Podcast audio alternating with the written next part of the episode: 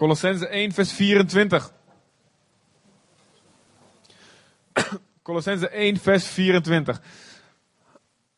Ik geloof in overwinning. Ik geloof in God heeft ons geroepen tot een overwinnend leven. Amen.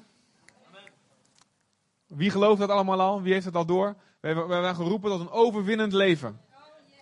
En ik geloof dat Jezus zit op, aan de rechterhand van de Vader. En hij wacht af. Nou, hij is actief natuurlijk ook. Maar hij zit daar totdat al zijn vijanden een voetbank gemaakt worden voor zijn voeten. Alles wat tegen Jezus ingaat.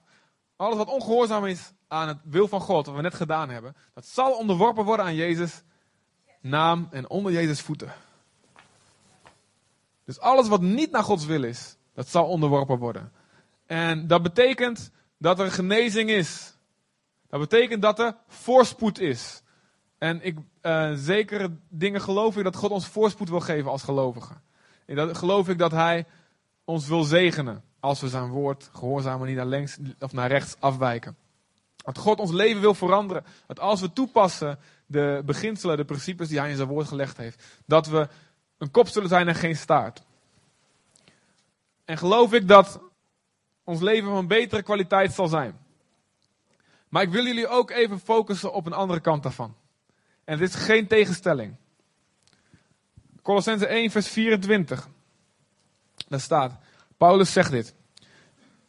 Paulus die veel gevangenis geweest, die schipbreuk geleden heeft, die uh, honger gekend heeft, die veel op reis geweest is, die veel aanvallen heeft gehad, die gestenigd is geweest, die uh, 40 min 1 slagen gehad heeft, die van alles meegemaakt heeft en uiteindelijk in gevangenschap uh, gedood is vanwege zijn geloof.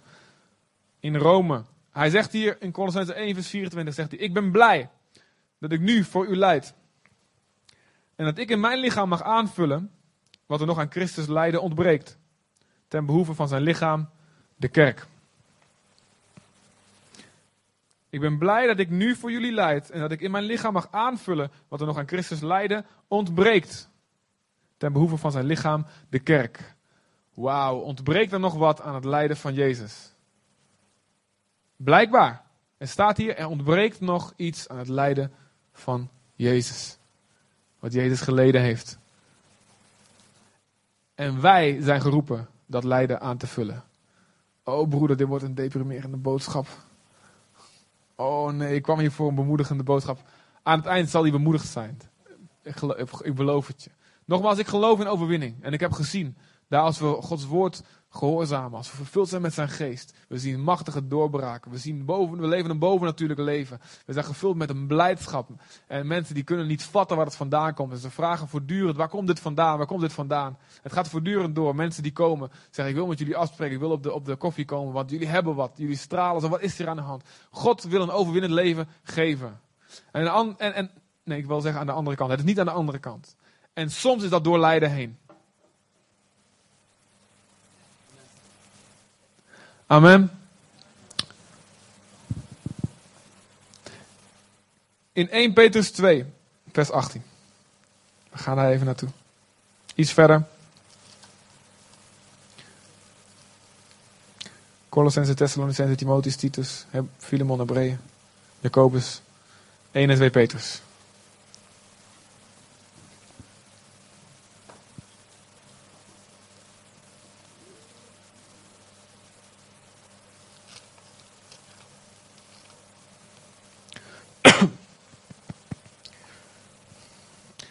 En hier spreekt Peter specifiek tot slaven.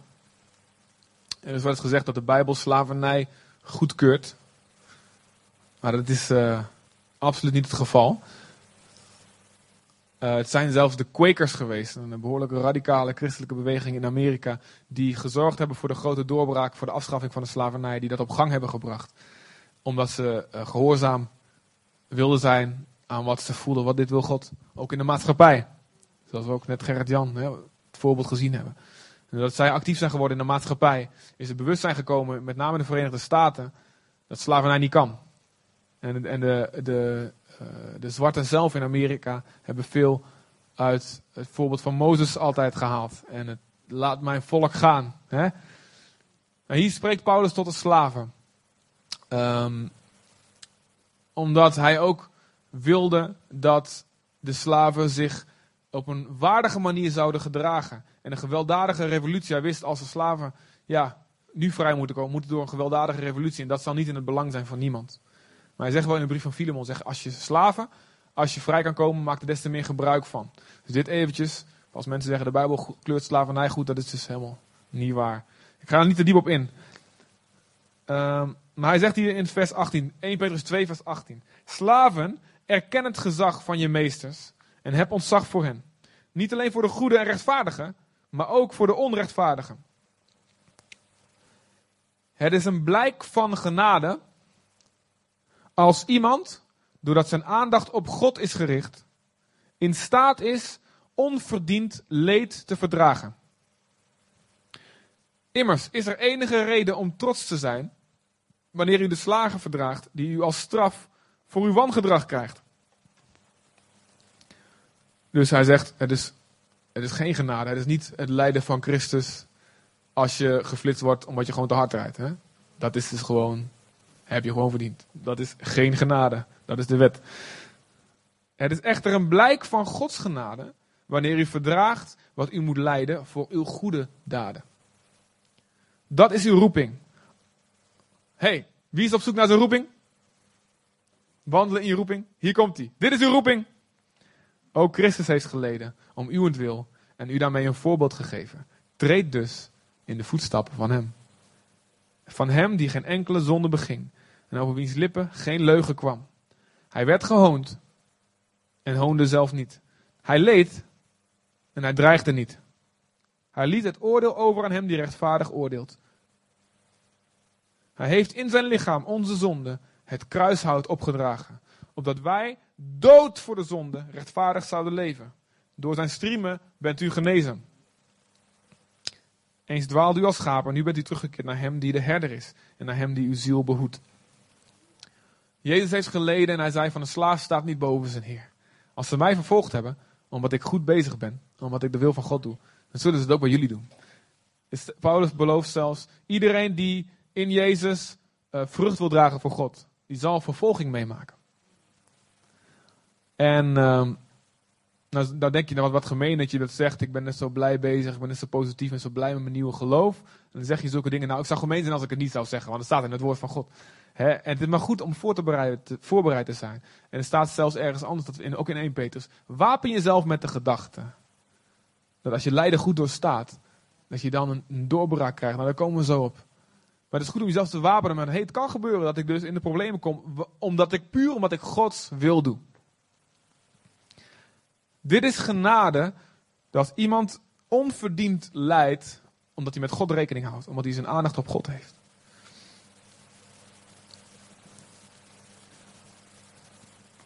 Dus het kan zijn omdat je gewoon de zonde ontwijkt. Je hebt geleefd in de wereld.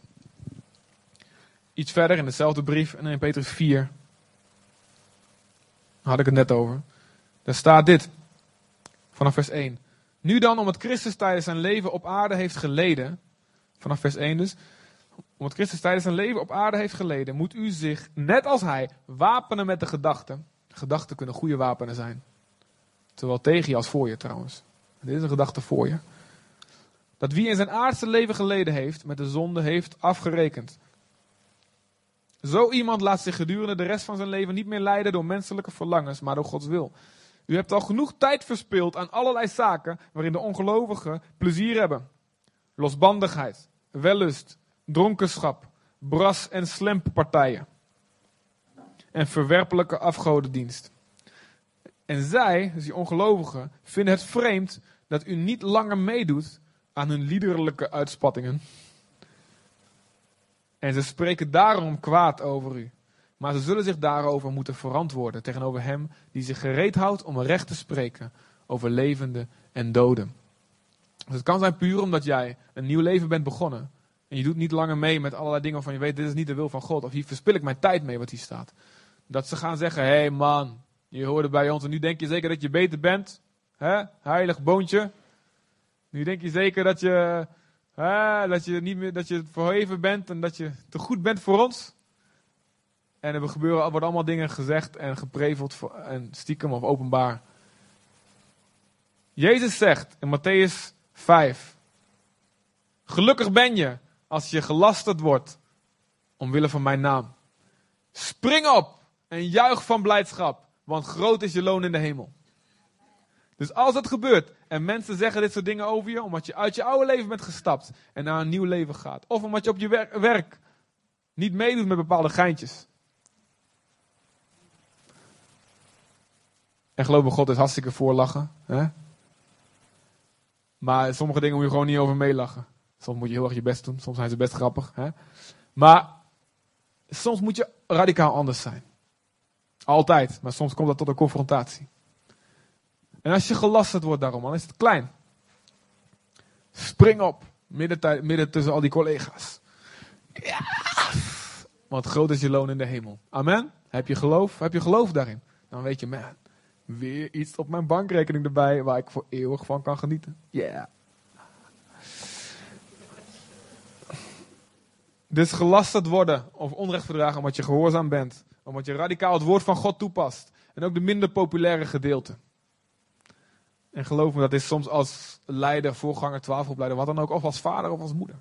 Is dat best lastig om dat te blijven doen. Je wil populair zijn, je wil uh, vriendelijk zijn, je wil dat mensen je, je fijn vinden. Maar soms moet je het woord van God toepassen en vinden mensen dat niet fijn. Soms moet je mensen aanspreken op hun gedrag. En, net als met je kinderen. Soms moet je die aanspreken. En ik wil altijd een vriendje zijn van mijn kinderen. Hè? Maar dat kan niet altijd. Want ik moet doen wat goed voor ze is. Ik moet doen wat het woord van God zegt. Nou, en dan zullen je kinderen misschien je niet zo vervolgen. Tenminste, die van mij niet hoor. Maar verheug je als je gelasterd wordt om dit soort dingen. Nou, in de tijd van Petrus, toen hij dit schreef, en de eerste eeuwen daarna met name, en door de hele geschiedenis heen, nu nog steeds, China, Vietnam, eh, Midden-Oosten, maar ook in Nederland. Er, komt, zijn er vervolgingen voor mensen omdat ze de wil van God willen doen. En, en met name die eerste eeuw, deze christenen, uh, hun gespullen werden afgepakt, hun huizen werden afgepakt. Niet van iedereen, maar op bepaalde plaatsen wel, bepaalde tijden wel. En de eeuw daarna zal het, zou tot nog, nog vele dieptepunten, hoogtepunten zeggen, voor dieptepunten komen in de vervolgingen. Christenen werden voor de leeuwen gegooid. Um, ze werden um, gevierendeeld. Vrouwen werden verkracht. Ze werden als levende fakkels in de tuin van keizer Nero geplaatst tijdens de feesten. Dus terwijl ze brandden, werd er gefeest daar door de keizer. Um, het kwam tot verschrikkelijke dingen. En wat er geweldig was, is dat zij tijdens die vervolgingen, en het zal heus niet allemaal geweest zijn, maar er zijn veel verhalen bekend, dat ze zingend en, en zich verheugen en zo blij dat ze mogen leiden, dat ze die arena instapten met die leeuwen. En dat ze zongen en zongen en zongen, totdat de laatste overbleef en alleen overzong, omdat de rest als laatste over bleef zingen, omdat de rest werd opgegeten door die beesten, tot die laatste ook eraan ging. En mensen zagen hoe zij in dat lijden zo vol van God waren. Zo vol van de geest, zo vol van blijdschap. Dat, en ik heb de cijfers even niet hier paraat, maar um, in ieder geval iets van op elke christen die gedood werd in de arena. Dus of drie of vier of vijf. In ieder geval, voor elke christen dat drie of vier of vijf, dat weet ik dus niet meer. Mensen, ik heb het ergens gelezen, ik kon het niet meer nazoeken. Mensen uit het publiek zich vrijwillig aanmelden en zeggen: dood mij ook maar, want ik wil horen bij die christenen. Spontaan. En zo groot waren die cijfers. Omdat ze zagen in dat lijden, in die vervolging, hebben ze iets te stralen. Zoals Stefanus, toen hij gestenigd werd, in handelingen staat dat. Zijn gelaat werd als een engel. Kun je je voorstellen, een steen tegen je kop. En je gelaat wordt als een engel. En hij zegt, vader, vergeef het hun, ze weten niet wat ze doen. Hij bad voor diegene die op dat moment zo vol haat en vol bitterheid en wauw, stenen gooide. Nou krijgen we niet, misschien niet elke dag stenen naar ons hoofd geslingerd. Maar er gebeuren ons dingen ook. Dat we moeten lijden. Omdat we de wil van God moeten doen. Dus laten we vast oefenen op ons engelengezicht. Voor als dat gebeurt. God wil je dich vullen met de geest. Vullen met blijdschap. Zodat je alles kan doorstaan. En dat, je, dat als jij leidt ten onrechte. Dat, dat er mensen, als het ware, uit de tribune springen. Ik wil bij jou horen, want ik zie hoe jij hiermee omgaat. Hoe, jij, hoe geweldig jij hiermee omgaat. Dus je kunt onrecht lijden omdat je de juiste keuzes maakt als eerste. Als tweede gaan we naar 1 Korinthe 6. Ook een vorm van lijden omdat je met God rekening houdt. In de gemeente in Korinthe, in het moderne Griekenland, waren heel wat problemen. Waarvan je zou zeggen, nou als, als ik die problemen zou zien in een hedendaagse gemeente, dan zou ik zeggen, ja, eh, ik trek lekker de stekker eruit. Ik ga niet meer met jullie om, je ongehoorzame gasten. Er gebeurden daar dingen, de zonde werd niet aangepakt. Ze spraken hele dienst alleen maar in tongen, zonder dat er vertaling was. Ehm, ze, uh, tijdens het avondmaal nam, namen, ze, ja, namen allemaal hun eigen eten mee. En de rijken die gingen lekker uh, zich volvreten, terwijl de armen hadden te kijken en helemaal niks hadden. Er gebeurden best wel wat rare dingen. Er hadden allerlei partijschappen. Ik hoor bij die, ik hoor bij die, ik hoor bij die. Maar Paulus sprak het aan en Paulus die ging met ze door. En een teken van God gaat door, ook met zo'n gemeente. En er komen zelfs twee brieven van in de Bijbel. Die naar hun gestuurd zijn. Dus er is ook hoop voor jou en voor mij. en een van de problemen was dat ze rechtszaken onderling hadden, christenen onder elkaar. In hoofd, 1 eh, Korinthe 6 vers 1 staat, hoe durft u onderlinge rechtsgeschillen voor ongelovigen te brengen, in plaats van voor de gelovigen? Wauw, hoe durft u? Weet u dan niet dat Gods heiligen over de wereld zullen oordelen? En als u over de wereld zal oordelen, dus als Jezus terugkomt, gaan we over de wereld oordelen. En over engelen oordelen. Hoe dat zal gaan. Ik heb er wel eens over gepreekt. Moet je even terugspoelen op de website, misschien staat het nog wel. Maar daar ga ik nou niet, kan ik het nou niet over hebben. En als u over de wereld zult oordelen, zou u dan niet in staat zijn om te oordelen over de meest onbeduidende rechtsgeschillen? Weet u niet dat wij over engelen zullen oordelen? Dan kunnen we dat toch zeker over alledaagse zaken. Wilt u werkelijk uw alledaagse geschillen aanhangig maken bij mensen die bij de gemeente geen aanzien genieten? U moest u schamen. Wauw.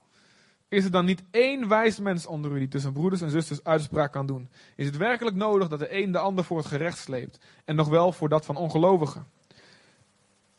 En nou, nou moet je opletten. Het is al treurig genoeg dat er rechtsgeschillen bij u voorkomen. Waarom leidt u niet liever onrecht?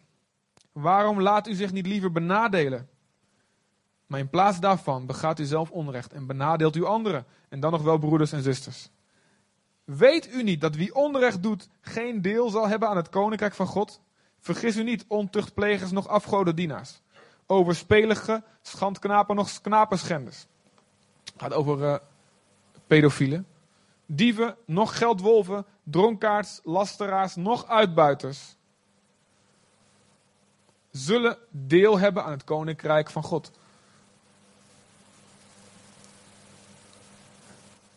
Je kan gelijk hebben in een rechtszaak eventueel, of in een ruzie. En toch een schande zijn voor de naam van God. Je kan helemaal gelijk hebben, helemaal in je recht staan. En toch de naam van God een grote vlek voor de naam van God zijn. Omdat je zo op je gelijk staat. Je zo graag je gelijk wil halen. Jezus roept ons op om zachtmoedig te zijn. Hey, ik heb het niet over over je heen laten lopen. In alle opzichten. Ik heb het niet over hier niet assertief zijn of weet ik van wat dingen. In elk, in elk geval zul je moeten bidden. Heer, wat wilt u dat ik hiermee doe? Want soms moet je staan voor een bepaalde waarheid. Omdat het de, omdat het de zaak van God schade aan kan doen. Paulus ook, op een gegeven moment werd hij belasterd. En heeft hij, moest, heeft hij ze geantwoord in een brief. In 2 Korinthe bijvoorbeeld. Ah, hij is een nep-apostel. En ah, hij heeft wel een grote mond in zijn brief. Maar van dichtbij betekent hij niks. En hij spreekt heel slecht. Slechte spreker. En heeft hij zich verdedigd. Omdat het van belang was. Voor het koninkrijk van God. Maar hier staat. Als je gelasterd wordt. Of als er iets gebeurt. Als, als jij het gevoel hebt, wordt mij onrecht aangedaan. En als het om jouw persoonlijke dingen gaat. Dan is het beter onrecht te lijden dan om zelf onrecht te doen. Om zelf op, zo op je gelijk te staan. Dat het tot een confrontatie komt. En dat de mensen zien van nou, die christenen moet je kijken. Let op, je hebt heel veel wijsheid hiervoor nodig. Om te onderscheiden wanneer moet ik nou wat doen. Maar het gaat nu, mij nu om de houding die je hebt. Wil je altijd je gelijk hebben? En denk eens aan een huwelijk bijvoorbeeld. Hè? Dr. Phil, ben een, een medium fan wel van hem hoor, zegt best goede dingen. Hij zegt, soms zegt hij tegen de mensen, do you want to be right or do you want to be happy? wil, je, wil je gelijk hebben of wil je, wil je gelijk of wil je geluk? En soms word jij aangevallen op gelasterd bijvoorbeeld. Dat is iets wat het misschien het meeste voorkomt. En um, we hebben gelukkig, uh, zijn gezegend met al wat ervaring daarmee. Halleluja. We springen op en we juichen. Hè? Um, en, en, soms horen we dingen die gezegd worden en denken, nou, dat is zo. Dan moet het schieten gewoon de lach denken dat mensen dat kunnen verzinnen. Aan de andere kant is het soms triest wat er gebeurt wel. Uh, door niet-christenen of zelfs door mensen die zich christen noemen. Maar soms heb je dan schot voor open doel. Bijvoorbeeld, je weet iets van die persoon. Maar helemaal meer gelijk, de, gelijk, de gelijkmaker kan maken, zeg maar. Een schot voor open. Wauw. Ik weet iets, ik kan hem helemaal de grond intrappen. Ja, zeg jij dit over mij? Dan zal ik eens even laten zien wat ik wil weten over jou. Huh?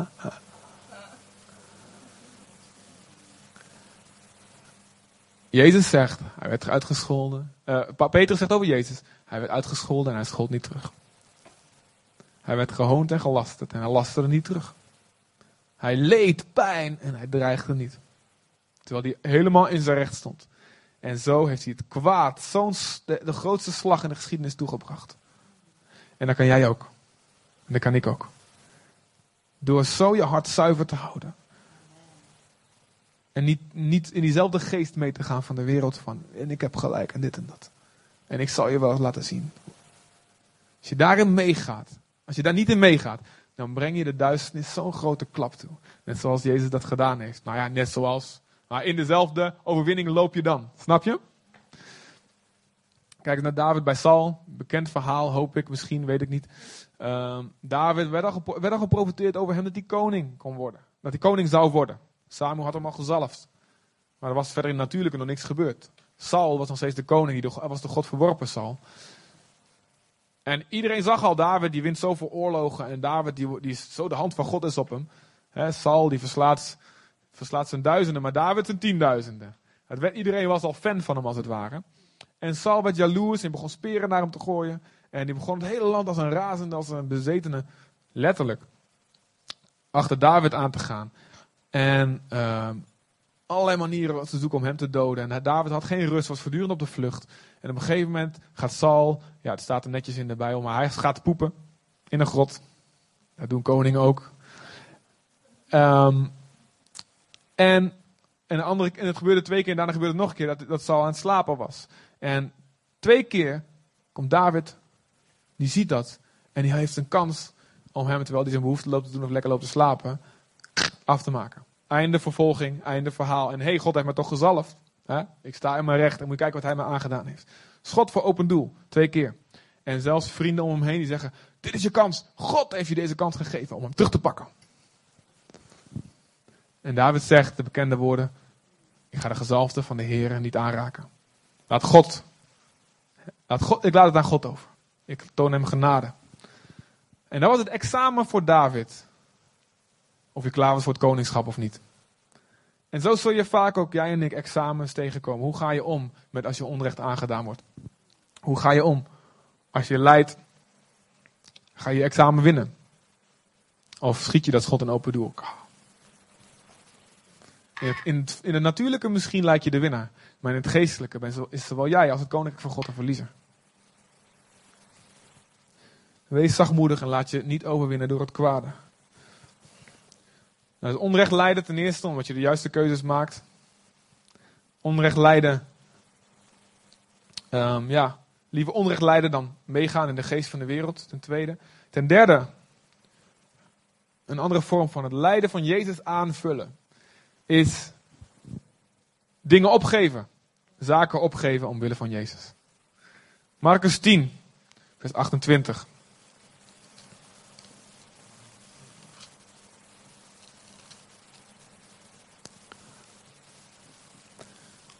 Marcus 10, Derde evangelie, Nieuw Testament.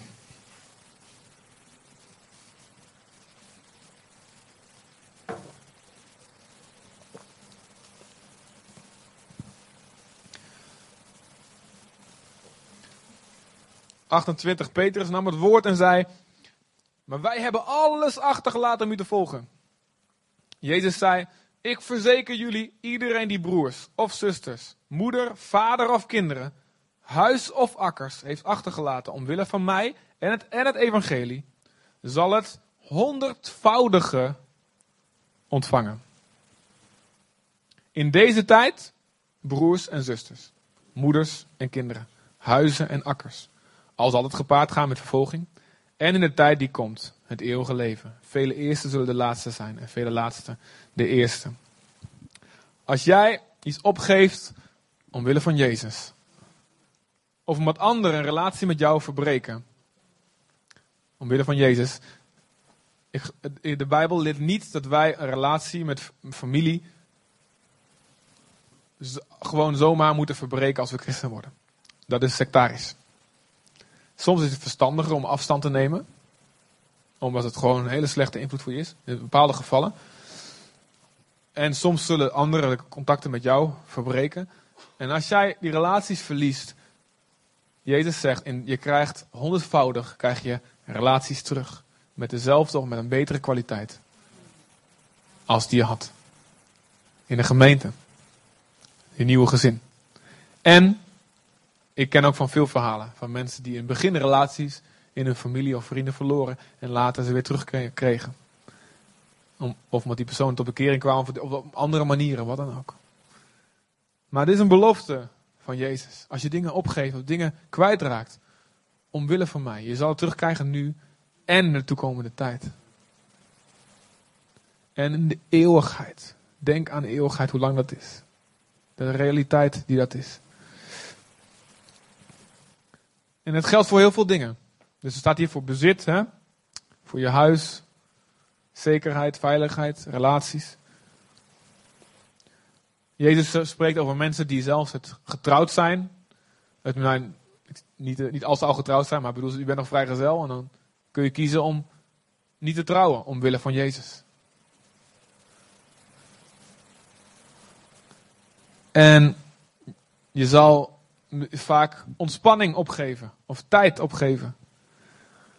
Als ik soms uh, in de buurt kijk en dan zie ik soms uh, buren ja, dagen achter elkaar buiten zitten en uh, lekker chillen en met en soms zitten we er ook bij heel gezellig en de bitterballen erbij, de frituurpan buiten, weet ik veel wat allemaal en de kinderen voetballen. Maar zoveel tijd dat ze daar zitten, kan ik me niet veroorloven. Of, maar, omdat, omdat God zo op ons hart gelegd heeft, om zo doelgericht te zijn. Want we weten, er is, ik heb een passie, ik heb een opdracht. En het is om ook om hun te bereiken hoor, vergis je daar niet in. En soms ga ik daar wel heel lang zitten, om gewoon voel, het is goed, weet je wel. Maar je zal soms je ontspanning moeten opgeven. Of soms wat vroeger uit bed moeten gaan, omdat je bij de Heer wil zijn. Omdat je wil investeren in je relatie. Omdat je zaad wil ontvangen om een oogst te krijgen. Het geld, hè? Wat je geeft aan de Heer. Al die dingen. Vanuit liefde. Rijkdom opgeven. Ik weet dat er veel mensen hier zijn. En in de gemeente het algemeen zijn. Die rijk hadden kunnen worden als ze Jezus niet zouden volgen. Omdat ze dan helemaal voor een carrière zouden gaan en blablabla. Ik ken een jongen, een vriend van mij. Ik heb hem uh, vrijdag uh, getrouwd. Niet hem alleen natuurlijk, maar ook zijn, zijn nieuwe vrouw. Hè. Het zou raar zijn. Neem je jezelf tot wettige echtgenoot? Nee, dat. die kon, die, uh, hij is een Nederlandse jongen, maar hij, uh, zijn ouders waren zendelingen in Italië, heel lang daar gewoond. En hij is ook helemaal een Italiaan, uh, hoe hij er, hoe hij doet en hoe hij eruit ziet. Heel leuk, leuke vent. En um, ik heb, sorry, ik heb hem niet getrouwd, ik heb gepreekt op een bruiloft. Ik heb wel meegezegend verder. En uh, die kon naar AC Milan, een goede voetballer, jongen. En hij was één week op de battle mee geweest als jeugdleider. Um, en um, heeft hij één keer meegedaan met het voetbaltoernooi, heeft hij een doelpunt gemaakt. In de lucht zwevend, een omhaal. Bam! En ze hebben het nu nog over, twee jaar geleden. En hij kon naar AC Milan, als toen hij, nog een paar jaar geleden, toen hij, toen ze daar nog woonde. En toen hebben ze wel hij als een ouders gezegd, nee, doen we niet. Weet je hoe rijk je kan worden met voetballen? Oeh. En ze hebben, de ouders hebben ervoor gebeden. Ze hebben niet meteen nee gezegd, van nee, dat is zondig voetbal. ze hebben gewoon voor gebeden, heer, wat wilt u? En ze voelden, nee, we moeten het niet doen. Het zou niet goed voor hem zijn. En ik dacht, als ik die jongen ook zie, wauw. Echt een kwaliteitsjongen met, met een karakter en een zachtmoedigheid. Te gek, super. En grote dingen heeft God in petto. En wat een verleiding was het wel niet om daarop in te gaan. En ze hebben dat opgegeven. Omwille van Jezus. Ik ken mensen die gewoon zo aan de Coca-Cola vastzaten. Dat ze beloofd hebben, God ik ga nooit meer Coca-Cola drinken. En dat bedoel niet dat ze stiekem dan Pepsi drinken. Hè? Nee, gewoon geen cola. En, en sommige mensen denken, wat overdreven, wat is dat voor iets, wat, wat vaag, dat vraagt God toch helemaal niet van je. Maar die mensen weten waarvoor ze het doen. Hè? Ik ken ook uh, mensen die, die, tegen wie God gezegd heeft van, je zit zo vast aan de tv, toen je tot bekering kwam, tv moet uit je leven. En tot de dag van vandaag kijken ze geen tv. Nogmaals, het geldt niet voor iedereen, hè? Maar wat mag het je kosten? Wat is het je waard? Als God het je spreekt, ben je bereid radicaal te gehoorzamen. Nogmaals, je eigen dingen, niet per se, oh ik heb dat gehoord, dat lijkt me ook radicaal, dat doe ik ook. Anders dan op een gegeven moment, iedereen heeft alles wel een keer opgegeven, dan ben je alles kwijt. Luister naar God. Ik ken een jongen die heel erg fan was van Go Ahead Eagles. hij is nog steeds een fan van Go Ahead Eagles. En het is niet zondig om naar, naar het voetbal te gaan. Maar hij, ging er zo, hij werd er zo boos van en dan ging hij soms, kwamen er soms zulke dingen uit zijn mond. Van hij dacht, dit is, dit, dit is helemaal niet van de Heer. En nee, heeft hij zijn voetbal opgegeven. En nu is hij een teletext supporter. Weer verloren. Weer onderaan in de eerste divisie. Bid voor die jongen als je hem ziet. Ah, ah.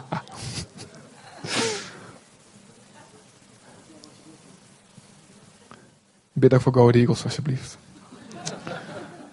Vasten en bidden, ze hebben echt nodig. Um, in de Bijbel wordt gesproken over Nazireërs. Die, op, die geen, geen wijn dronken, die hun haar lang lieten groeien. Als een teken van afzondering voor God, nummerie. Jeremia 35 staat over de Rechabites, de Rekabieten. Wiens vader gewoon beloofd heeft, ik en mijn kinderen, we zullen niet in een huis wonen, we zullen geen wijn drinken. En uh, niet in akkers, dat soort dingen. En, tot op, en, en al de generaties na hem hebben het volgehouden. En God heeft ze daarvoor gezegend, staat er daar in Jeremia 35. Dingen opgeven omwille van Jezus, omdat God ze tot je zegt.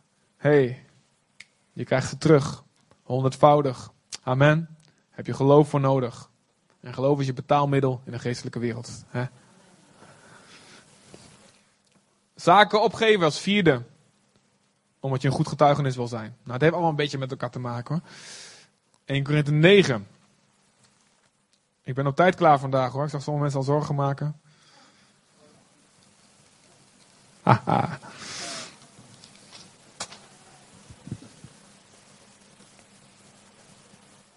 Ik heb nog maar 14 punten. Um, 1 Korinthe 9,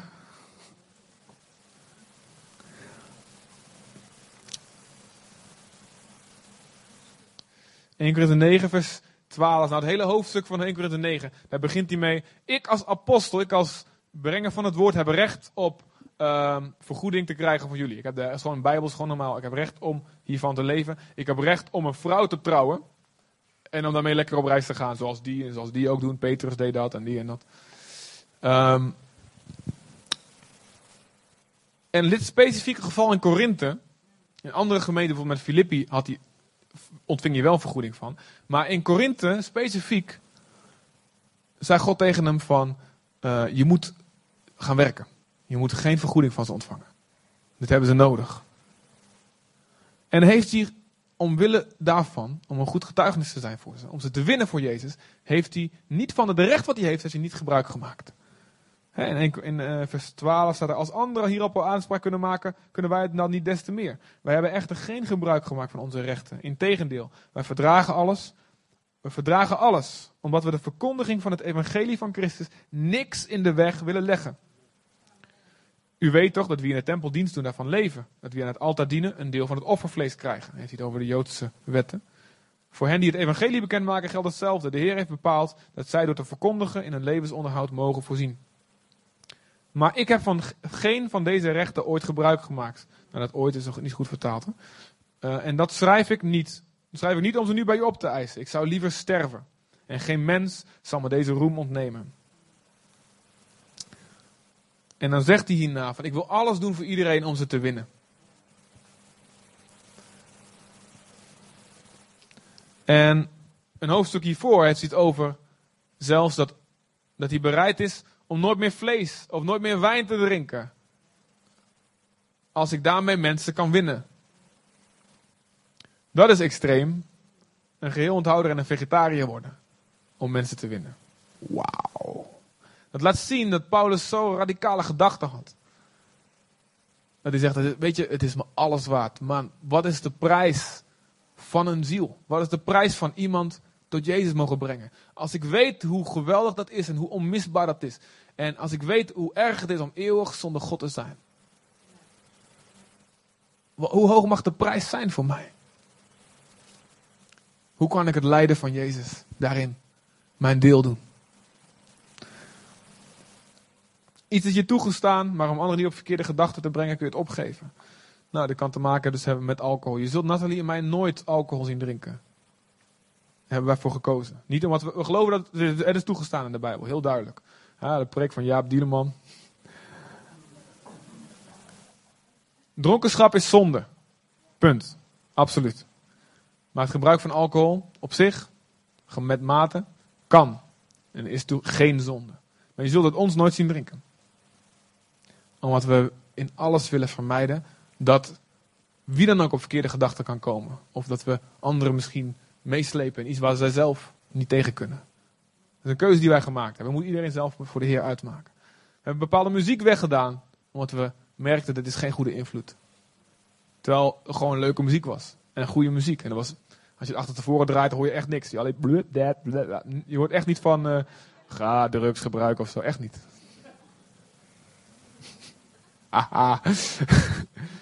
Maar gewoon merkte dat, dat ja, mensen gingen er raar van kijken. Ja, maar ja, dat, eh, dus iedereen neemt overal wel ergens aanstoot aan, weet je wel. Dan, hoe ver moet je dan daarin gaan? Oké, ja, je, soms dan moet je gewoon zeggen, jongens, uh, zet die religieuze geest van je eens even in de ijskast, want dit is gewoon... Maar bid daarvoor, vraag het aan de Heer. En je moet wel bereid zijn alles op te geven. Alles is van Jezus. Je bent niet meer van jezelf. Je bent gekocht en betaald. Al je rechten ben je kwijt. Je krijgt heel wat voor terug. Dat weten we allemaal, als het goed is. Anders dan ben je, is het heel zielig natuurlijk. Je krijgt een eeuwige beloning voor terug. En je krijgt er blijdschap voor terug. Maar je moet zo die radicale gedachten in je hoofd geplant hebben.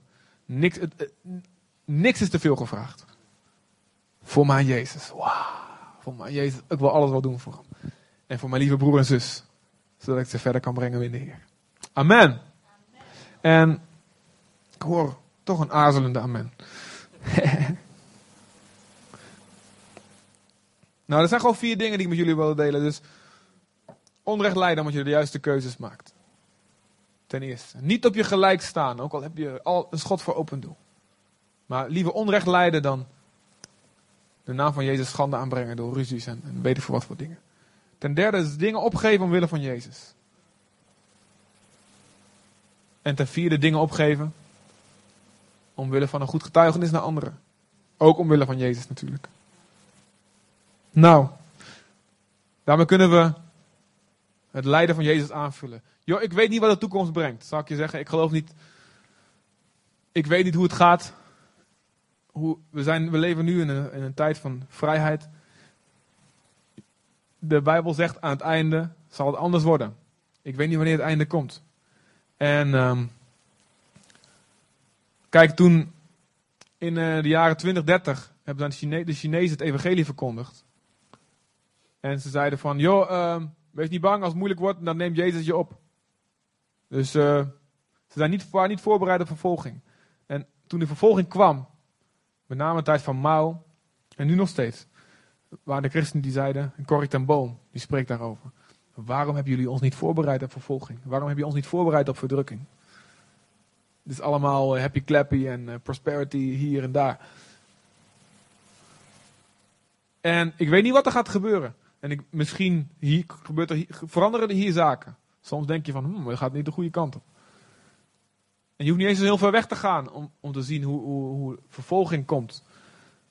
En ik weet niet wie van jullie misschien naar het buitenland gaat en echt stenen tegen zijn kop krijgt. Omwille van Jezus. Misschien voelt iemand zich daar aangesproken. Maar uh, ik wil jullie voorbereiden. Als je, als je in zo'n situatie komt. Hé hey man, spring op! En misschien door dat opspringen van blijdschap, ja, ontwijk je nog wat stenen. Huh? Scheelt. Techniek, dat is misschien. Ik denk dat dat het plan is van de Heer, weet je wel. Spring op van blijdschap, want dan missen ze je allemaal. Ha! Nou, wees ook niet te extreem daarin. Hey, um, de eerst, in de eerste drie eeuwen waren, was er een soort mentaliteit bij heel veel kerken. Zodra er maar een vervolging was, gingen ze zich spontaan aanmelden. Ja, ik ben christen, ik ben christen. Want dat was zo populair om martelaar te worden. ik denk, ja, dat hoeft niet voor mij. ik denk dat dit niet verstandig is. Paulus is ook gevlucht. in, uh, uh, op een gegeven moment in Antiochië wouden ze hem pakken. En is hij in een mand, hebben ze hem over de muur laten zakken. Dus vluchten, het is niet onbijbels om te vluchten soms. Hè? Loop er ook niet mee te koop. Oh, kijk eens wat ik allemaal opgeef voor de Heer. Kijk eens dit en dat. Oh, en ik vast zoveel. En dit doe ik allemaal niet. Jezus zegt, ja, heb je je beloning al? Je wil de eer van mensen. Nou, dan heb je je beloning al. In de hemel krijg je niks meer. Dus loop daar niet mee te koop. Draag het waardig. Zegen degene die de bron is van jouw vervolging. En dus ik heb het niet, altijd, het is niet, altijd stenen, hè? Het kan gewoon heel klein zijn. Zegen ze. Jozef, uiteindelijk heeft hij zijn broers kunnen zegenen. Die hem vervolgd hebben, die hem eigenlijk gedood hadden in principe. Waardoor hij zoveel geleden heeft. En uiteindelijk werd hij zelf de bron van verlossing, van redding voor diegene die hem wilde doden. Amen. Zo ook jij, als jij zegent wie je vervolgt. Wie weet gaat God jou gebruiken. Om diegene die die stenen op jou, naar je hoofd gooien, te redden. En in je geest en in gebed moet je strijdbaar zijn. En alles wat tegen de wil van God ingaat, aanpakken. En soms is dat een agressief gebed, ook tot zegen. Ik heb wel eens gebeden, en dat moet je niet altijd doen hoor. Maar ik heb wel eens gebeden en dan zie ik het eng snel werken. Heer, verander hem of verwijder hem. En ik heb het niet over dood of zo, hè? maar gewoon een bepaalde positie of wat dan ook. Of bepaalde. Ik bid, en, en allebei, zowel veranderen als verwijderen, ik bid dat het tot zijn bekering zal zijn. Dat kan. Wees voorzichtig daarmee. Zegen wie je vervolgen. Daar gaat het om. Wees oorlogszuchtig in je gebed. Alles wat tegen de wil van God ingaat, pak het aan. Maar ga niet op je eigen rechten staan. En als laatste Weer 1 Petrus, de hele brief van 1 Petrus gaat eigenlijk, er komt heel vaak in terug, dit thema. 1 Petrus 4, vers 12. Geliefde broeders en zusters, wees niet verbaasd over de vuurproef die u ondergaat. Er overkomt u niks uitzonderlijks. Hoe meer u deel hebt aan het Christus lijden, des te meer moet u zich verheugen. En des te uitbundiger zal uw vreugde zijn wanneer zijn luister geopenbaard wordt. Yeah! Als u gehoond wordt omdat u de naam van Christus draagt, prijs u dan gelukkig. Ik ben zo gelukkig. Want dat betekent dat de geest van God in al zijn luister op u rust. Laat niemand van u moeten lijden omdat hij een moordenaar is, een dief, misdadiger of onruststoker. Maar als u lijdt omdat u christen bent, schaam u dan niet en draag die naam tot eer van God. Besef goed dat de tijd van het oordeel is aangebroken. En dat oordeel begint bij Gods eigen mensen. Als het bij ons begint, hoe zal het dan aflopen met hen die weigeren het evangelie van God te aanvaarden? Als zij die rechtvaardig leven, al ter nauwe nood gered kunnen worden, hoe moet het dan gaan met hen die zondigen doordat ze God niet gehoorzamen? En daarom moeten alle die lijden omdat God het wil, het goede blijven doen en hun leven toevertrouwen aan Hem, op wie wij mogen vertrouwen, omdat Hij ons heeft geschapen. Amen. Zullen we staan?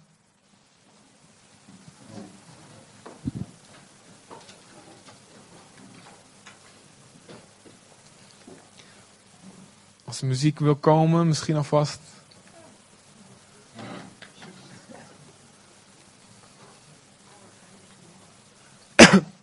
Sluit je ogen. Vader, dank u Heer dat, ik geroepen ben om in de voetstappen van Jezus te wandelen. Dank u voor mijn leven van overwinning.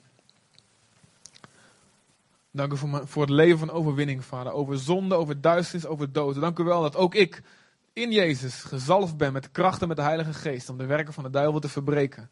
En terwijl ik daarmee bezig ben, Heer, zal ik misschien een steen aan mijn kop krijgen, geestelijk of letterlijk. Heer, maar ik dank u wel daarvoor, Heer. Dank u wel, Vader. Ik ga pas oefenen in mijn vervolgingssprongetje. Mijn vervolgingsjump, Heer, om me te verblijden. Heer, wat er me overkomt, omwille van uw naam. En ik dank u in geloof dat ik terugkrijg, Vader, Heer, wat ik voor u opgeef.